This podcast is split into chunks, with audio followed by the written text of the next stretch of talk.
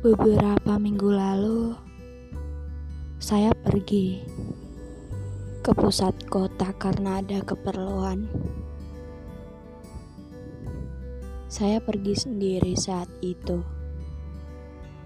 melewati jalanan yang kadang lurus, kadang berkelok, kadang halus, kadang bergelombang. Di jarak-jarak perjalanan menuju tujuan, saya teringat sesuatu, sesuatu yang mungkin kalian bisa menebaknya. Sesuatu yang mengingatkan saya tentang perjalanan yang lalu, perjalanan saya bersamanya. Saya kemudian menyadari bahwa setelah tiga tahun lamanya, mungkin minggu lalu, saat saya pergi sendirian, itu adalah awal yang baik. Awal perjalanan saya sendiri tanpa manusia yang itu. awal saya untuk membuka buku baru tanpanya. Awal dari teguran semesta yang mengingatkan saya untuk terus berjalan, untuk terus berjarak pada kenangan. Kenangan yang terlalu pahit untuk diingat.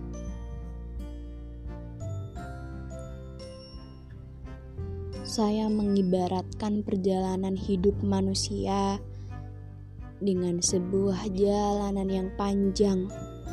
Ya, jalanan beraspal yang sering kita jumpai sehari-hari. Jalanan yang harus ikhlas tertindas, tergores, tertimpa, terpapar, dan terguyur di dekatnya orang-orang yang berlalu lalang tanpa mengeluh, tanpa merasa kesepian, tanpa merasa tersiksa, dan tanpa meminta balasan.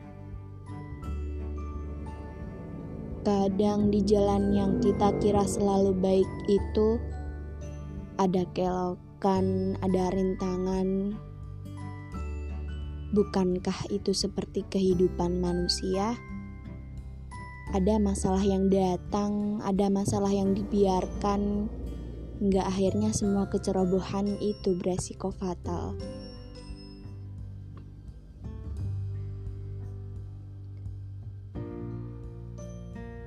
Saya akhirnya paham bahwa mengapa kita dibuat bingung dengan suatu permasalahan, dibuat benar-benar kecewa dengan suatu akhir karena kadang tujuan yang hendak kita capai adalah tujuan yang salah, tujuan yang keliru, tujuan yang tidak seharusnya, tujuan yang tidak semestinya. Setelah keperluan saya selesai, waktu itu saya memutuskan untuk pergi ke sebuah warung sederhana di pinggir jalan. Tidak bisa memilih kursi yang mana karena waktu itu hari Minggu dan warung makan sedang ramai-ramai punya pengunjung. Seperti biasa, saya memesan seporsi pecel dengan nasi yang sedikit karena paginya saya sudah sarapan ditambah dengan satu teh hangat yang rasanya tawar. Benar, tawar, karena saya tidak terlalu suka yang manis. Sebelum makanan yang saya pesan datang, saya menunggu dahulu tentunya. Saya melihat satu orang di ujung kursi yang sedang makan dengan lahap Walau yang ia santap hanya seporsi nasi putih dengan satu telur dadar dan kerupuk udang. Dengan segelas air putih biasa. Di sebelah orang itu ada seorang anak perempuan rambutnya dikepang dua, sedang menikmati permen lollipop warna-warni. Sesekali orang tersebut melihat ke arah gadis,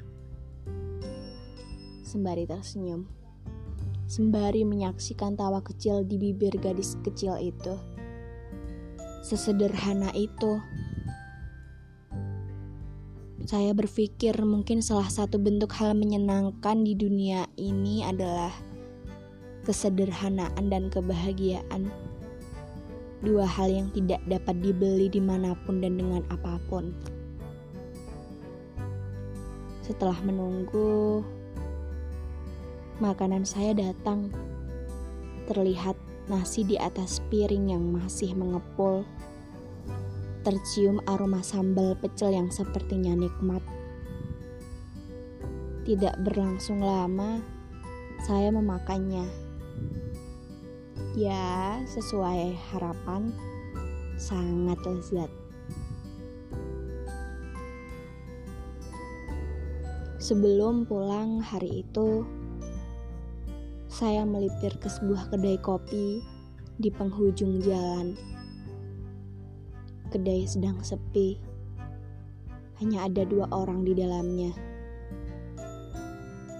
yaitu sang barista dan mungkin yang satunya adalah pelanggan setia. Mungkin saya menenggelamkan pilihan saya pada Milo Macchiato dan brown sugar with jelly.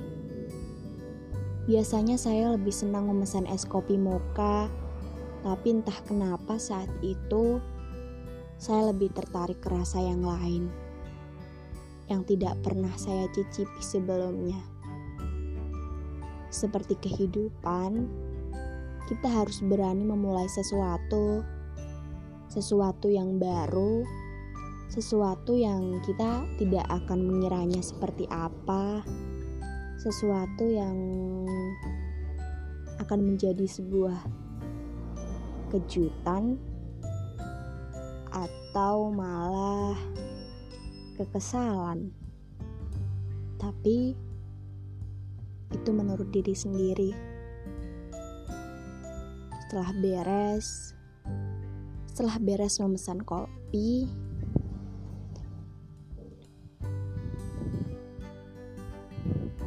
saya pulang, pulang ke tempat favorit saya,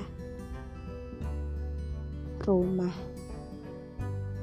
Sesampainya di rumah, saya mencuci tangan dan kaki terlebih dahulu, lalu merebahkan raga ini. Lelah satu kata yang saya rasakan. Seketika saya memejamkan mata, walaupun tidak bisa terlelap seutuhnya. Saya hanya sedang menerka-nerka kalau semesta sedang berpihak hari ini. Maka dari itu, terima kasih banyak